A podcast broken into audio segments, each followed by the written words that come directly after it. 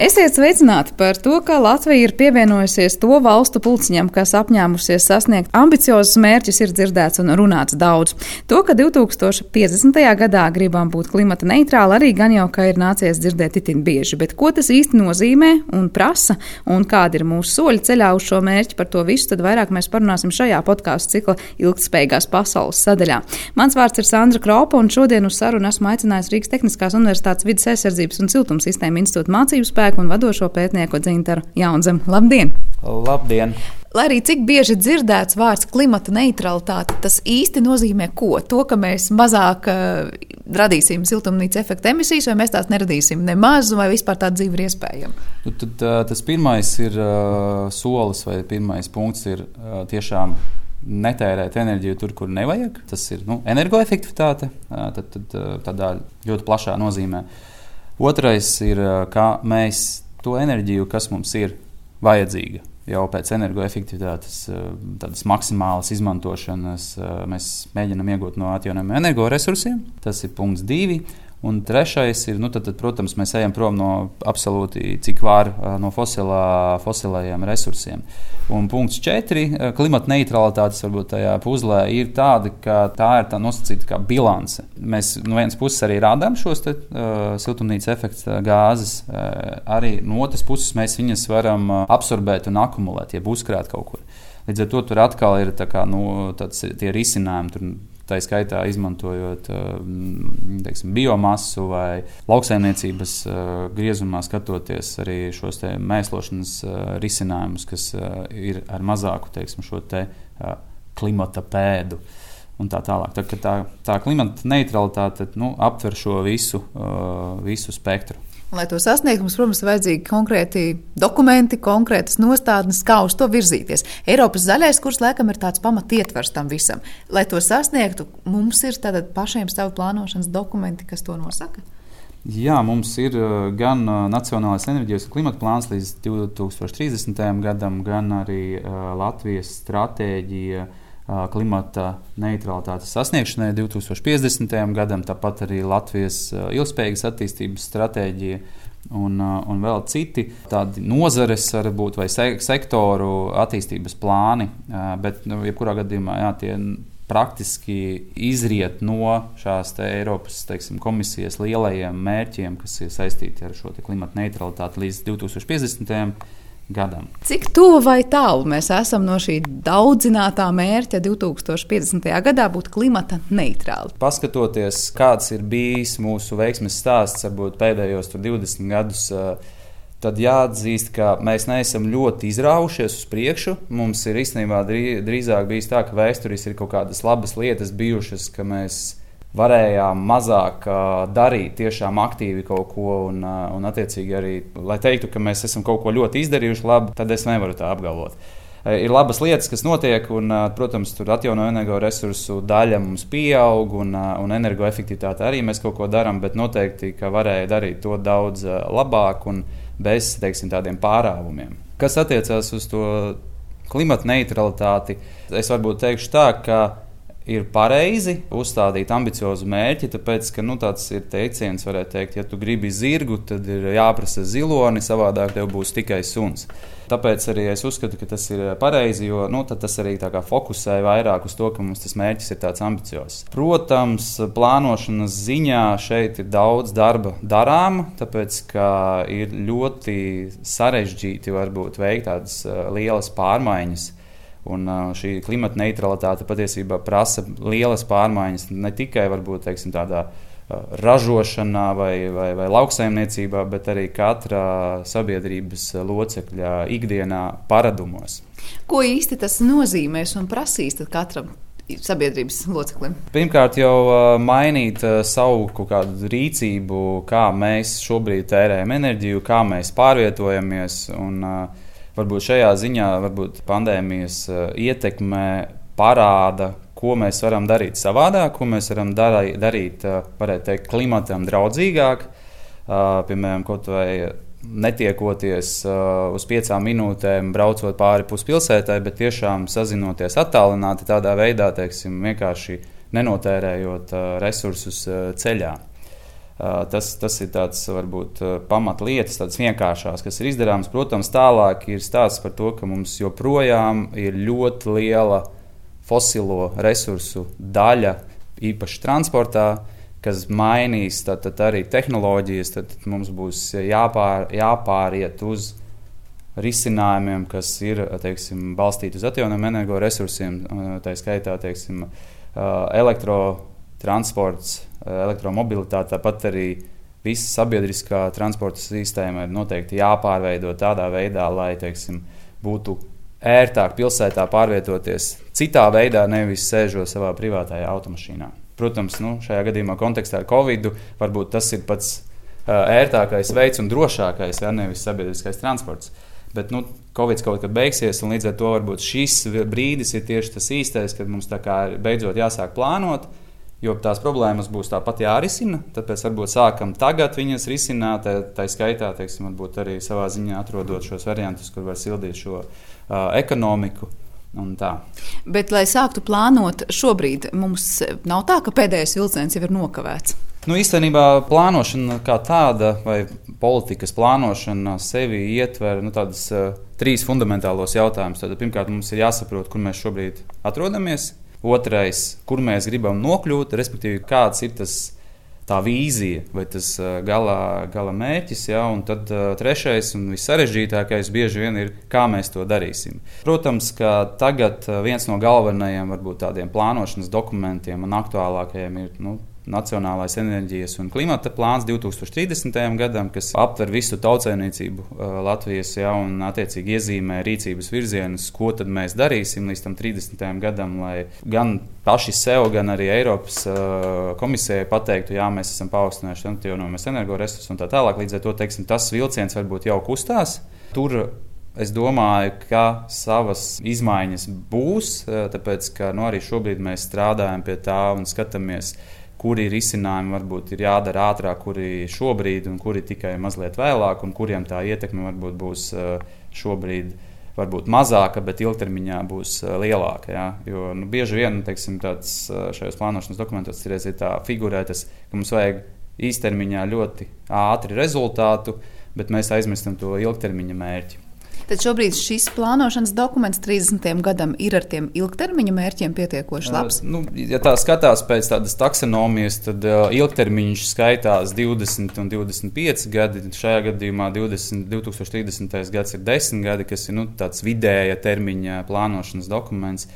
Uh, līdz ar to varbūt. Uh, tīri tāds ilgtermiņš īsti tur nesanāk, bet uh, vismaz mēs varam iezīmēt tās lietas, kuras ilgtermiņā mēs noteikti gribēsim mainīt. Bet tās tur ir? Priekš pirmā plāna viņš ir ļoti labs. Teiksim, no tādā, ja, ja skatās tā virsrakstu griezumā, tad mēs esam aptvēruši visu un darīsim arī praktiski visu. Bet, ja mēs ejam rīcības virzienos, tad, protams, ka mums no Universitātes pētniekiem ir, ir savas idejas un redzējums, kā to vajadzētu darīt. Jā, par to, ko pētnieki var palīdzēt saprast, kā darīt labāk, tūdaļ arī pajautāšu. Līdz tam tikai skaidrību viešot, nu, liekas, ja ir 30. gadam tāds dokuments ar daudz maz virsrakstu līmenī ilgtermiņa mērķiem, var teikt, pareiziem, ja mēs izpildām to, kas ir rakstīts tajā 30. gada dokumentā, mēs varam tā liekot roku uz sirds, teikt, nu, tad jau 50. mēs sasniegsim tos mērķus, vai tas vēl nebūtu to nenozīmē?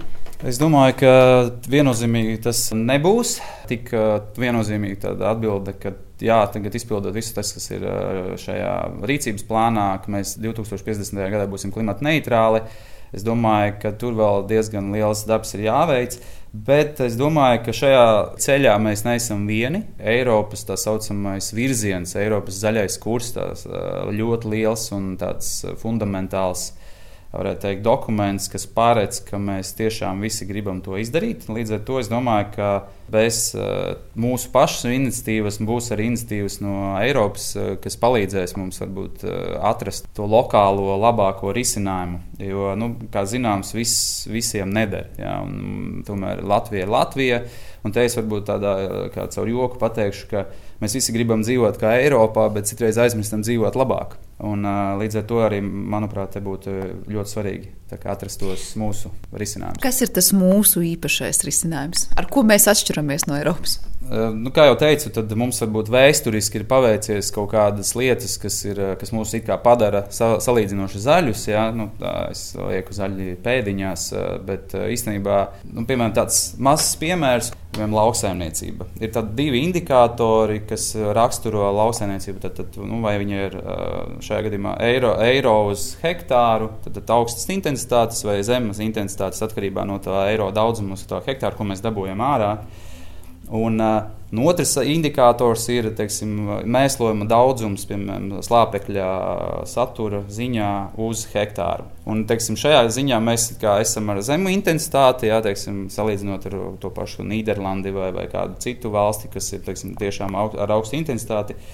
Un, uh, un, attiecīgi, arī mēslojuma ziņā mēs, mēs esam ļoti zemi, kā viss ir kārtībā. Bet tad, kad mēs šos indikatorus abus saliekam kopā un salīdzinām, kā ar citām valstīm, tad sanāk tā, ka mēs uz to mazo eiro, ko mēs dabūjam no tās uh, zemes hektāra, mēs īstenībā ļoti daudz sagāžam mēslojuma virsū. Tad, tad tas ir tas, varbūt šie mazie niansētie gadījumi, kuri ir varbūt jāatrod un, un kas jāmēģina uzlabot. Lai vispār taptu šādi dokumenti, cik liela loma un kāda vieta ir zinātniekiem tajā visā? Nu, cik daudz ieklausās tajā, ko jūs sakāt? Protams, varbūt plānotājiem vai dokumentu plānotājiem jā, ir savs redzējums, un kas ir ļoti normāli. Tad, protams, zinātnē atkal nāk palīdzīgā ar to, ka mēs varam no nākotnes skatu punkta redzēt teiksim, kaut kādus šos te plānotos scenārijus, ko tad īstenībā politikas plānotāji grib īstenot, un dot savu kaut kādu šo rekomendāciju secinājumus. Un šajā gadījumā ļoti palīdz dažādi šie modelēšanas rīki, ja, kas arī šajā gadījumā mūsu institūtā tiek plaši izmantoti. Un, tad, teiksim, varbūt, lai ieskicētu mazliet, kādā veidā un kādā mērogā mēs strādājam, tad ir ir dažādi modelēšanas rīki, kas ir paredzēti tikai teiksim, tehnoloģiju griezumā. Tad, tad mēs ņemam vienu tur, teiksim, apkures katlu, un tad pirms mēs viņu sākam vispār kaut kur tālāk, kā prototipu veidot, mēs varam desmit dažādus risinājumus modelēt, skatīties, kā kurš labāk strādātu. Un tālāk, pēc tam augot tam mērogam, mēs varam beigt ar to, ka piemēram, mēs šobrīd modelējam šo teiksim, visu energosistēmu Latvijas mērogā. Un tās ir atkal citas, citas modelēšanas rīki. Un, attiecīgi, protams, jo sarežģītāka ir pati sistēma, jo nosacīti ir ļoti svarīgi atrast pareizos datus un pēc iespējas precīzāk aprakstīt realitāti. Lai mēs tā vizualizētu to, ko šāds modelis var aprakstīt un aprēķināt, un tas būtu vienalga, vai tas ir kādas automašīnas pārvietojas Rīgas ielās vai Latvijas autoceļos, tas ir ar kādām tehnoloģijām tiek apstrādāti lauki vai darbinātas, es nezinu, kādas enerģijas ražošanas iekārtas. Kas ir tas, ko jūs varat un nevarat uzmodelēt? Te ir tāds jautājums par ticamības momentu. Jā, katram modelim, tad, protams, ir dažādi šie modeļi. Ir, viņi var būt vērsti tikai, piemēram, tikai ekonomika, tikai enerģijas teiksim, pārēja, pārveide, kā, kā tas process notiek valsts līmenī. Bet, jā, visu nosaka praktiski ieejas dati Jo, jo precīzāki viņi ir, jo labāk. Un, teiksim, varbūt tā ir ieskicējot loģiski, ka mēs strādājam ar tām datu bāzēm, kas ir šobrīd pieejamas. Tad, tad tie ir uzskaitītie, izmērītie dati, piemēram, energobilance. Jā, tad tālāk, ja kaut kādi dati nav mums vajadzīgajā griezumā, lai varētu nomodelēt, jā, tad mēs veicam šos pieņēmumus. Tad, tad ir eksperta viedokļi, kuri bieži vien ir pretrunīgi, jā, un tad mums ir jāizvēlās pareizais tas virziens, lai būtu precīzi. Tālāk, beigās mēs tāpat nonākam pie nosacītiem. Mēs viņus tā, esam nodefinējuši par tādiem kā savādajiem datiem, kuri īstenībā netiek neuzmērīti, neuzskaitīti. Un īstenībā par viņiem pietrūkst informācijas, nu, lai ieskicētu, kas tas ir. Mēs galā, piemēram, skatoties to pašu transporta sektoru, mums ir kaut kāds zināms kopējais enerģijas daudzums, kas tiek transporta sektorā patērēts. Rezultātā mums ir veikti kaut kādi nobrauktie kilometri, Un uh, sanāk, ka mēs esam ārpus fizikas, mazliet mēs esam efektīvāki nekā nu, teiksim, ir iespējams.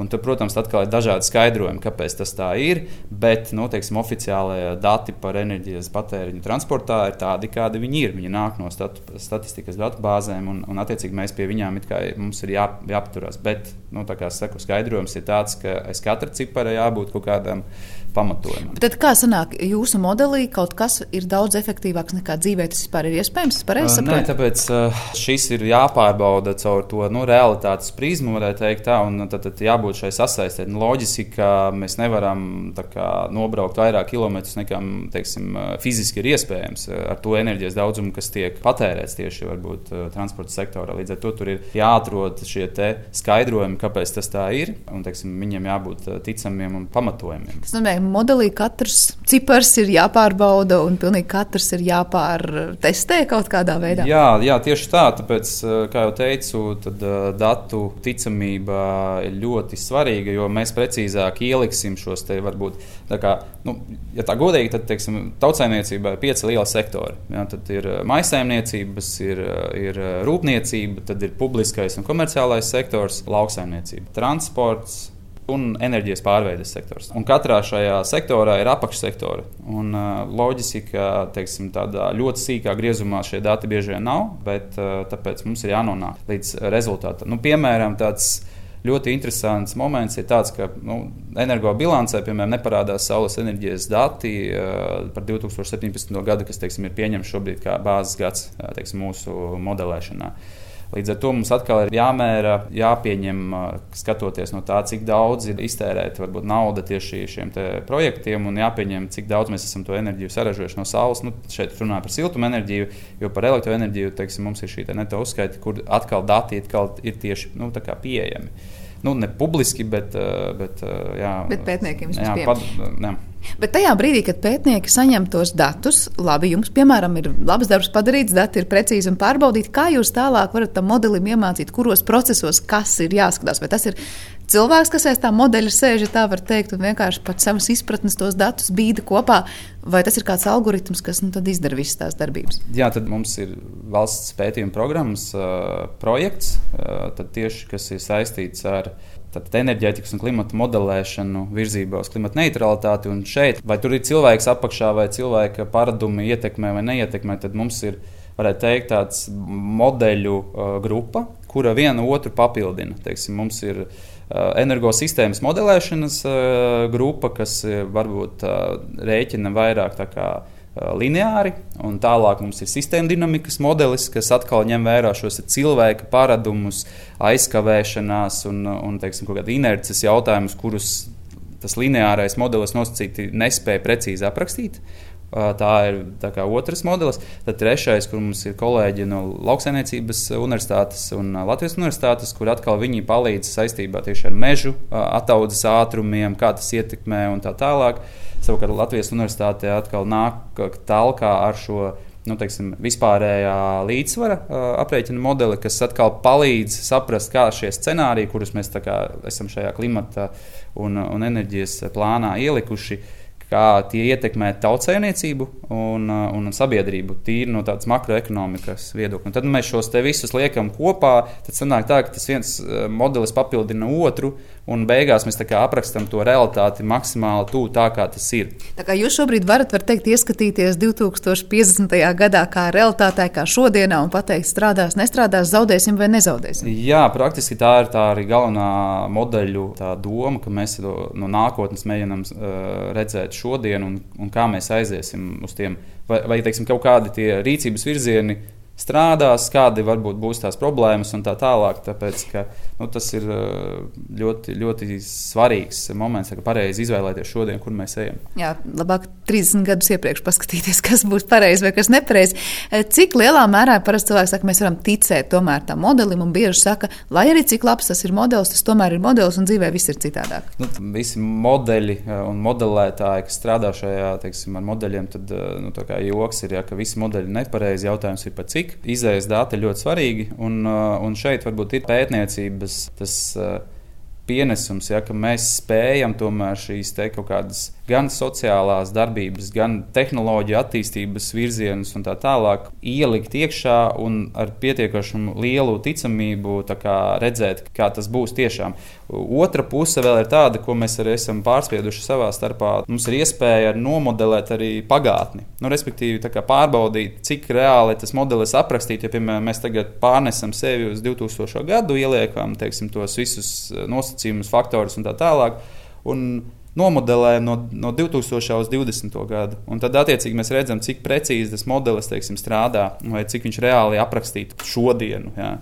Un tādas arī tādas, teiksim, aktivitātes var izveikt, bet uh, tas ir nu, jau atkal cits darbs brīvajā laikā, varētu teikt. Cik daudz jūs šobrīd esat pārbaudījuši to, kas ir sarakstīts tajās mūsu 30. vai 50. gada plānošanas dokumentos, tās darbības pareizā virzienā vai nepareizā? Tad virsrakstu līmenī mēs esam aptvēruši visu tautsēmniecību, un mēs tiešām arī virzamies, un uh, tur paredzēts kaut kāda finansējums un tā tālāk, uh, kā to darīt un, un, un nofinansēt. Bet, uh, kā jau teicu, ir šīs nianses, kuras ir pietiekoši daudz, kuras vajadzētu uzsvērt. Un, un mēs arī mēģinām kopā ar, ar visiem pētniekiem, kas ir iesaistīti šajā projektā, gan citos, kā, atrast tās galvenās lietas, kuras būtu nu, jāapmaina vai teiksim, jāgriež savādāk. Kā jau teicu, svarīgi ir atrast tieši šīs. Tā... Bet jūs esat identificējuši šobrīd jau tādas konkrētas lietas, nu, kurās varbūt vajadzētu virzīties vai nu nedaudz uzmanīgāk, vai varbūt ir saplānots kaut kas ne tā, kā reāli dzīvē tas strādās? Jā, nu tagad varbūt tīri tāds kā piemērs. Nu, ļoti svarīgi ir daudz dzīvokļu ēku, piemēram, atjaunošana. Tas ir tāds tā svarīgs moments, tāpēc, ka energoefektivitāte ir pirmā un, un Eiropas Savienība un tā tālāk arī to nosaka. Uh, savukārt Latvijas gadījumā ir tā, ka mums tā, tas līdzfinansējums ir tad, kad ir plānošanas periodā, mums piešķir kaut kādu naudu, kamēr mēs saprotam, kā mēs viņu tur tērēsim un cik daudz un kāpēc. Ir paiet laiks, uh, un, un tas ir redzams arī teiksim, pēdējos desmit gados. Mums ir tādi kā cikliski un viņveida atbalsti. Kas rezultējas ar to, ka uh, mums ir jāizdara ļoti daudz īsā laikā, kas aizved pie rezultāta, ka tas rezultāts ir ļoti dārgs salīdzinoši un arī kvalitāte samazinās. Un tur ir dažādi faktori, kurus tad īstenībā varbūt uh, pirms tam nav neviens īpaši identificējis, bet mēs caur šiem modelēšanas rīkiem esam redzējuši un, pie, un arī praktiski varam izskaidrot. Tad, uh, teiksim, būvnieki ir tik, cik ir, viņi var izdarīt tik, cik var izdarīt uh, konkrētā laika periodā. Un, ja mums ir paralēli daudzdzīvokļu ēkām, ir vēl teiksim, publiskais sektors, kur atkal ir kaut kādas, kaut kādas lietas jāizdara, tad sanāk beigās, ka kā, nav jau kas, kas to dara. Un, un tas attiecīgi ceļ visās ķēdītes posmos šajā teiksim, projektu gaitā, ceļ gan to cenu, gan arī pieprasījumu. Bet tā piedāvājuma nav tik liela, un tas, tas rada beigās to problēmu, ka drīzāk būtu darīt tā, ka mazāk, bet stabili un visu laiku nepārtraukti. Nevis, ka mums tagad ir uzreiz ceļam, bliežam un viss notiek. Nekā, ne, un tas beigās ir tas rezultāts, kas nu, nestrādā. Tas nav pareizi. Tā kā tas, ja to neņem vērā, būtu viens no gadījumiem, kur atkal mēs teiktu, redz, kā plānot skaisti uz papīra, viss skaisti dzīvē nestrādā. Jā, tieši tā. Un energosistēmu plānojot, mēs varam nosacīt, jā, rekā mums ir nauda, reka mainās, tur, teiksim, atjaunojumi un viss ļoti labi, pieprasījums iet uz leju, tur, teiksim, efektivitāte paaugstinās. Un tas ir tā kā lineāri nosacīti, prognozējot, ka viss notiek uh, precīzi. Bet, ja mēs paskatāmies no tādas sistēmas dinamikas viedokļa, loģiski tas nenotiek tādā veidā tā, kā pa diedziņu. Jā. Tad, tad ir aizturē, tas pats atjaunošanas process jau arī nenotiek. Šodien izlēmām, rītdien izdarījām. Tas ir kā minimums 3 līdz 6 mēneši pati būvniecības fāze. Līdz tam, lai nonāktu līdz tai būvniecībai, ir vēl, teiksim, plus mīnus gads vai divi. Līdz ar to tā programma, kas ir paredzēta atbalstam, īstenībā nu, nespēja nu, aptvert to visu. Un, kā jau teicu, labāk ir, ka mēs darām mazāk, bet konstanti un visu laiku, nekā reku nauda ir un jādara ļoti ātri un īsā, īsā periodā. Cik lielā mērā modeļi var palīdzēt prognozēt? Nu, piemēram, jūs tikko arī minējāt par to naudu ir un jādara, un mēs pieņemam, ka, ja nauda būs, tad cilvēki darīs. Bet arī jūs kolēģi iepriekšējās sarunās ir teikuši, cik daudz mums ir piemēru, kur liekas, nauda ir atbalsts, ir, bet cilvēku rīcība nemainās. Kā vispār modelī iekļaut tik netvaramu lietu kā cilvēka uzvedība, cilvēka domāšana, viņa paradumi, kurā brīdī viņš, lai arī būtu it kā visas iespējas, tomēr nedarīs kaut ko? Te jau ir stāsts varbūt arī no tādas politikas izpildīšanas viedokļa, tad, tad ir vairākas pieejas. Nu, praktiski ir dominējošās ir divas. Tad, tad viena ir pātaga, otrs ir burkāns. Tad, kā mēs varam sabiedrībai piespiest kaut ko darīt vai panākt, ka viņa kaut ko dara savādāk? Tad, nu, praktiski ideālajā mikslī, nu, kā, lai atbildētu uz šiem jautājumiem par kāpēc cilvēks kaut ko dara vai nedara, jābūt vēl trešajam. Nu, teiksim, angliski ir stick, carrot and, and hacks. Un tas hacks nozīmē, ka mēs uh, iesaistām, mēs mēģinām uh, tieši runāt par lietām, kas notiek cilvēka galvā, kāpēc viņš pieņem lēmumu. Jā, teiksim, mums, nu, mēs nevaram pateikt tikai, ka, ja reku nauda būs un viss notiek, tad, tad jābūt pretī kaut kam vai nu teiksim, kā, tā, kā jūs dzīvojat līdz šim. Nedrīkstēs, reku jums ir burkāns, tad nauda darat ar savu teiksim, ēku kaut ko, jo teiksim, trīs gadu laikā, tad, tad mēs paredzam, ja māja netiks sakārtota, teiksim, var likt nodokļus, piemēram, vai tur, eh, es nezinu, citādus risinājumus, kas ir tas nu, pātagas risinājums. Bet bez tā visa jābūt fokusētam arī šim te, nu, trešajam jautājumam, tad, tad tas apskāviens, iekļāviens vai tam līdzīgi, tad, tad ir par šo jāstāsta. Un, eh, un šīs tas, nu, kaut vai mājas sapulces jātaisa nevis pulksteni divos dienā, bet jātaisa vakarā, kad cilvēki var atnākt. Un arī attiecīgi jābūt tādam gan mārketingam, gan tā skaitā, kas ir ļoti būtiski tieši iesaistīt šo pētniecību. Lai tas process iet uz priekšu, ja, tad, tad, tad mēs varam arī šo cilvēku, varētu teikt, ierobežošanu izkustināt, ja viņi ir apstājušies. Tas nāk, jums ir jau modelī jāparedz, vai tur ir vai atbilstoši citi plānošanas dokumenti vai politikas rīki, lai to rīcību mēģinātu kaut kādā veidā mainīt. Jā, tad, tad šīs te, kā, tas ideālais politikas mikslis vienmēr ir uh, svarīgs šajā modelēšanas procesā, jo nu, viņš ietekmēs tos rezultātus. Tas, ko jūsu institūts konkrēti šobrīd dara un pie kā strādā, var teikt, jūs meklējat tādus ļoti precīzus un praktiskus padomus, ko sniegt politikas veidotājiem. Tā kā brīdinot laikus, kā jūs iepriekš teicāt, mēs paskatāmies 20, 30 gadus ātrāk, kas, kas būs, ja? vai nav tik vienkārši? Jā, nu mēs tieši pie tā arī strādājam. Tad, tad tas pamat uzdevums patiesībā ir saprast, kā viens vai otrs rīcības virziens ietekmēs tos mērķus, ko mēs esam nosprauduši 2030. gadā. Nu, caur šo enerģijas un klimata plānu. Un, attiecīgi, tad, tad mēs mērķus gribam sasniegt caur to, ka teksim, tas ir pēc iespējas ar zemākām izmaksām. Un, un tieši tāpēc mēs arī integrējam iekšā šīs citus modeļus, lai saprastu, kā tad beigās ir labāk. Bet ir iespējama situācija, ka tad, kad pārbaudot tās lietas, kas mērķī jau ir sarakstītas plānošanas dokumentā, jūs pateiksiet, lūk, tas īsti nestrādās. Kas notiks reālajā dzīvē? Vai kāds pateiks, mēs to atceļam, mainām? Uh, nu, jebkurā gadījumā tam plānam ir uh, šīs te, kā, pārskatīšanas uh, funkcijas, arī, nu, vai opcijas, pareizāk sakot, precīzāk. Uh, tad, tad arī nu, šīs lietas uh, noteikti var tikt uh, pamainītas. Ja? Tā kā, nu, nav tā, ka tas rīcības plāns ir uh, iecirsts akmenī un tagad viņš vienkārši būs tāds, kāds viņš ir. Jūs piesaucāt jau dažādus sektorus, arī vairāk tieši lauksaimniecību un arī energoefektivitāti. Vai varam teikt, skatoties šajos plānošanas dokumentos, uz kuru sektoru pleciem vairāk mēs tā kā liekam, lai sasniegtu tos mērķus un būtu klimata neitrāli 50. gadā? Tad, jā, noteikti tie ir tie sektori, kas ir. Tad, tad, patērētāju sektori, tad enerģijas resursu patērētāji un transports, tad, tad tas ir maisaimniecības sektors, tas ir praktiski visi četri, es teiktu tā, palikušie, jo teiksim, enerģijas pārveides sektorā tur tā darba joprojām ir ko darīt, bet teiksim, viņš nav varbūt tik, tik krass un radikāli jāmaina.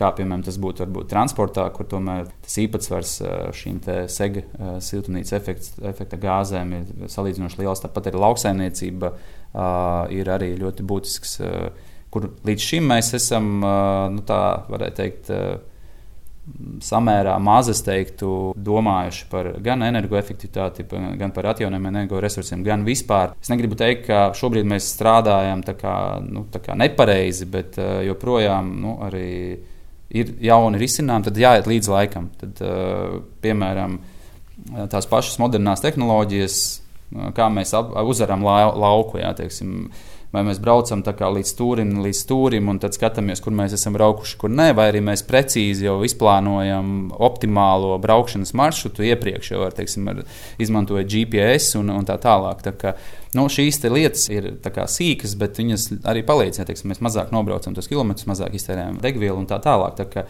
nu, tādas, varētu teikt, gudrāka saimniekošana, kā inovatīvāka.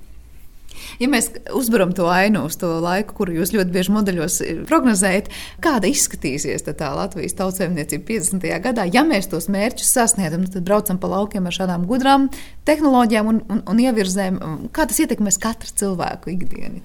Manuprāt, ka ļoti daudz lietas, kā jau mēs nojaušam, darīs, nu, kaut kas būs automatizācija ļoti, ļoti daudz. Daudz risinājumu būs jau digitalizēti un, un, un iespējams tie paši traktori jau nu, nebūs vajadzīgs cilvēks klāt. Viņš darīs vienkārši ieprogrammēts un viņš brauks un izmantos nevis uh, dīzeļdegvielu, marķēt to ar, ar, ar samazinātu akcijas nodokli, bet uh, izmantos uh, ar sauli saražotas elektroenerģijas uh, kā, vai vēja, vēja staciju ražotu elektroenerģiju. Es domāju, tie procesi uh, lēnām notiek. Iedomājamies simts gadi atpakaļ, manuprāt, neviens nebija iedomājies, ka kaut kas var būt labāks par zirga pajūgu. Un tagad mēs paskatāmies, kā ir mainījies transports vispār un kā viņš vēl mainīsies. Jā, jā par transportu kāds mainīsies, ko jūsu modeļi rāda? Transports pāries nu, tiešām uz šiem te, uh, elektromobīļiem, tad, tad arī ūdeņradim ir ļoti liela, liels potenciāls. Neskatoties to, ka nu, teiksim, ir savā ziņā tāds mīts, ka ūdeņradis ļoti bīstams. Uh, Bet, eh, nu, kas tas tā arī ir, ja viņi ir nepareizi apētās ar ūdeņradi. Eh, bet eh, tās tehnoloģijas iet uz priekšu, un arī drošības jautājumi tieši ar ūdeņradi tiek atrisināti samērā jau droši. Ja, un, un Tas ir skaidrs. Tas tas ir par sabiedrisko transportu vai arī privātām automašīnām? Tas, es domāju, aptver praktiski jebkuru transporta veidu. Protams, ka tur, kur ir iespēja teiksim, pārvietoties nu, piemēram, līdz 5 km, tur loģiski jābūt iespējai pārvietoties ar dažādiem šiem te, vai tas būtu velosipēds vai, vai kāds cits vienkāršs risinājums, ja, kas vispār nepatērē enerģiju. Ja, teiksim, tik vien cik paša cilvēka enerģiju. Tas ir jārada vienkārši tā infrastruktūra, atbalstošā infrastruktūra. Un arī domāju, elektrotransporta līdzekļiem, kas šobrīd ir tā viena lielā nu, problēma, bet tā situācija ir tāda, ka mums tā viens akumulators iespēja, cik mēs varam nobraukt, nu, teiksim, ir 200 km vai 300. Jā, ja, ja, ja ieslēdzam apkuri, tad tiešām mazāk.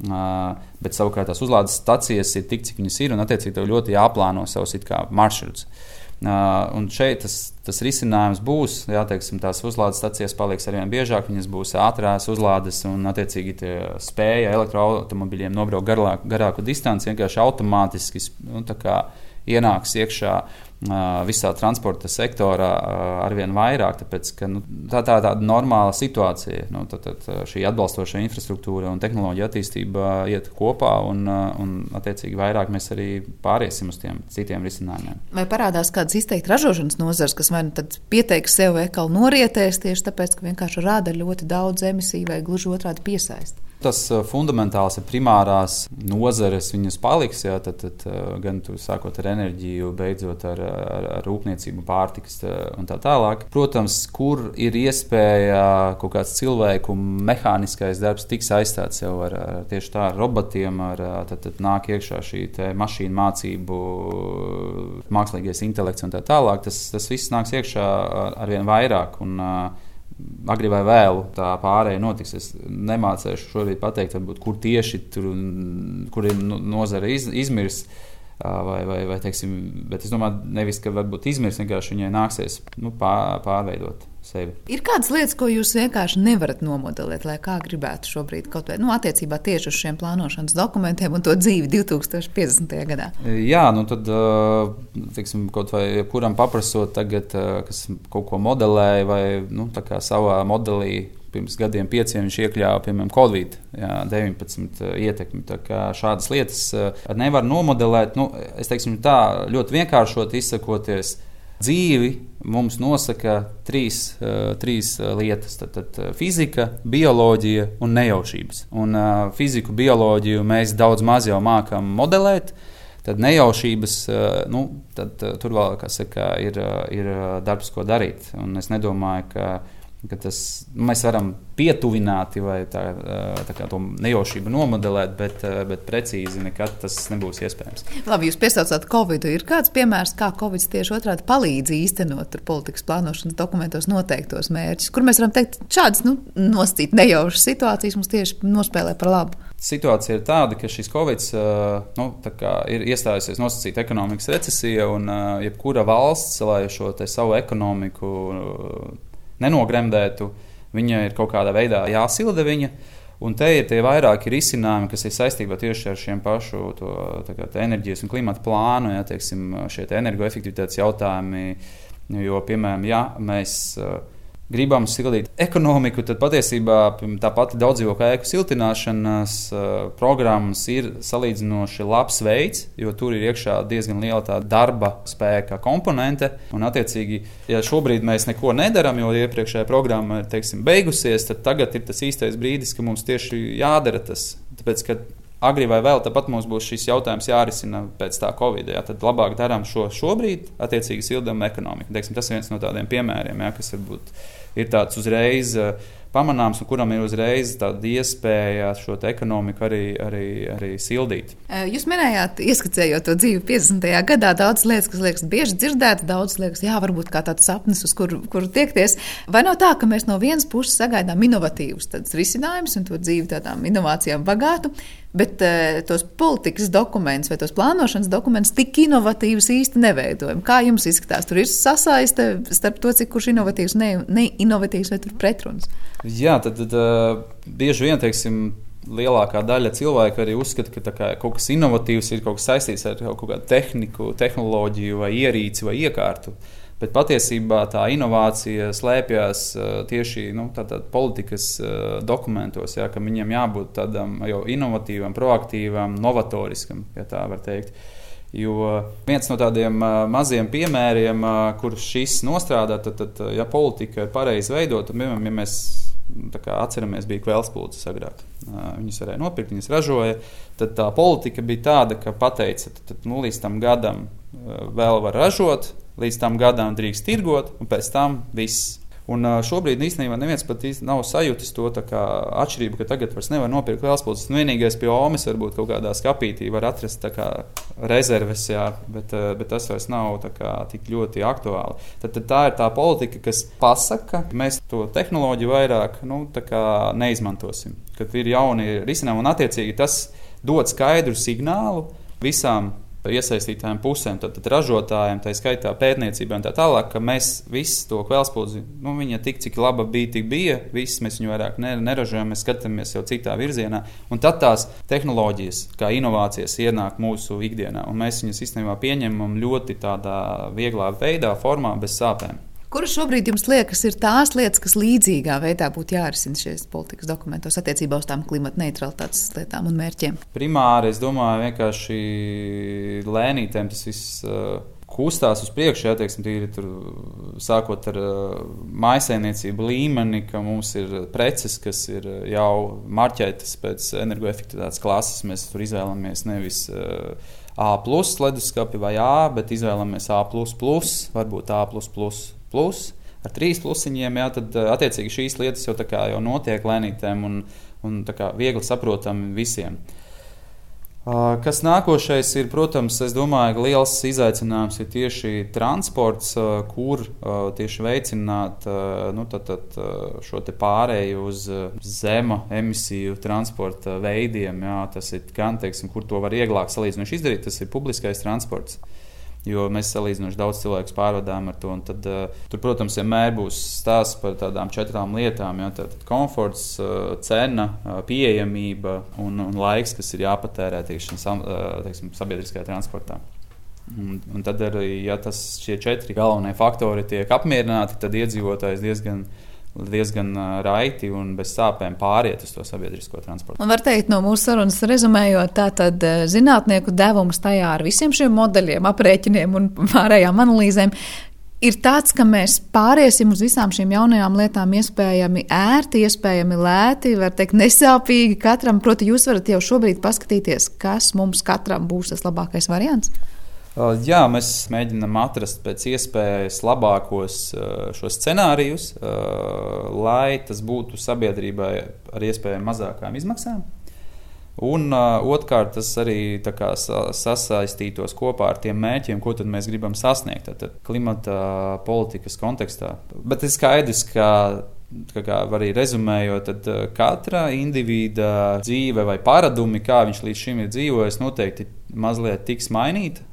Teiksim, tie, kas ir varbūt atvērtāki kaut kādām jaunām lietām, tiem būs mazāk, varbūt ne pat sāpīgi. Vienkārši teiksim, mums tāds, tas latviečs jau ir salīdzinoši tāds pragmatisks, un mēs tā kā lēnītēm pārējām uz kaut ko jaunu. Un, teiksim, tas jaunais mums bieži vien ir tāds, nē, nē, labāk lai kaimiņš, un tad tikai es un, un tam līdzīgi. Bet, jebkurā gadījumā, tā, tā virzība notiek tajā pašā 2050. gadā mēs dzīvojot savā mājā, mājoklī, mēs nebūsim tikai tāds uh, enerģijas patērētājs, piemēram, ja, bet mēs sāksim jau arī jau būt kā ražotāji.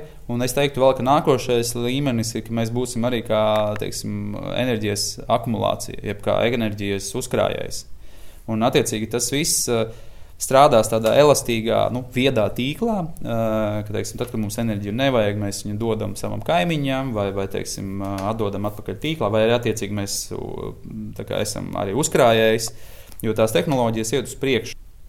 Kā, paldies par šādu ieskatu nākotnē, faktos un skaitļos balstītā nākotnē. Tiešām tas liekas, ka aiz katra modeļa patiesībā ne tikai cilvēks, ne katra šī skaitļu rindas varbūt un procesa modelēšanas ir virkni dažādu uh, zināšanu. Dzirdējām šajā sarunā Rīgas Tehniskās Universitātes vidas aizsardzības un siltumsistēma institūta mācību spēku un vadošo pētnieku Zinteru Jaunzemu. Atgādinu, ka arī citas sarunas par to, kā padarīt ilgspējīgāku pasauli, varat meklēt šajā pašā sarunu ciklā un tās klausāmas kā Anhortā Spotify platformā platformās.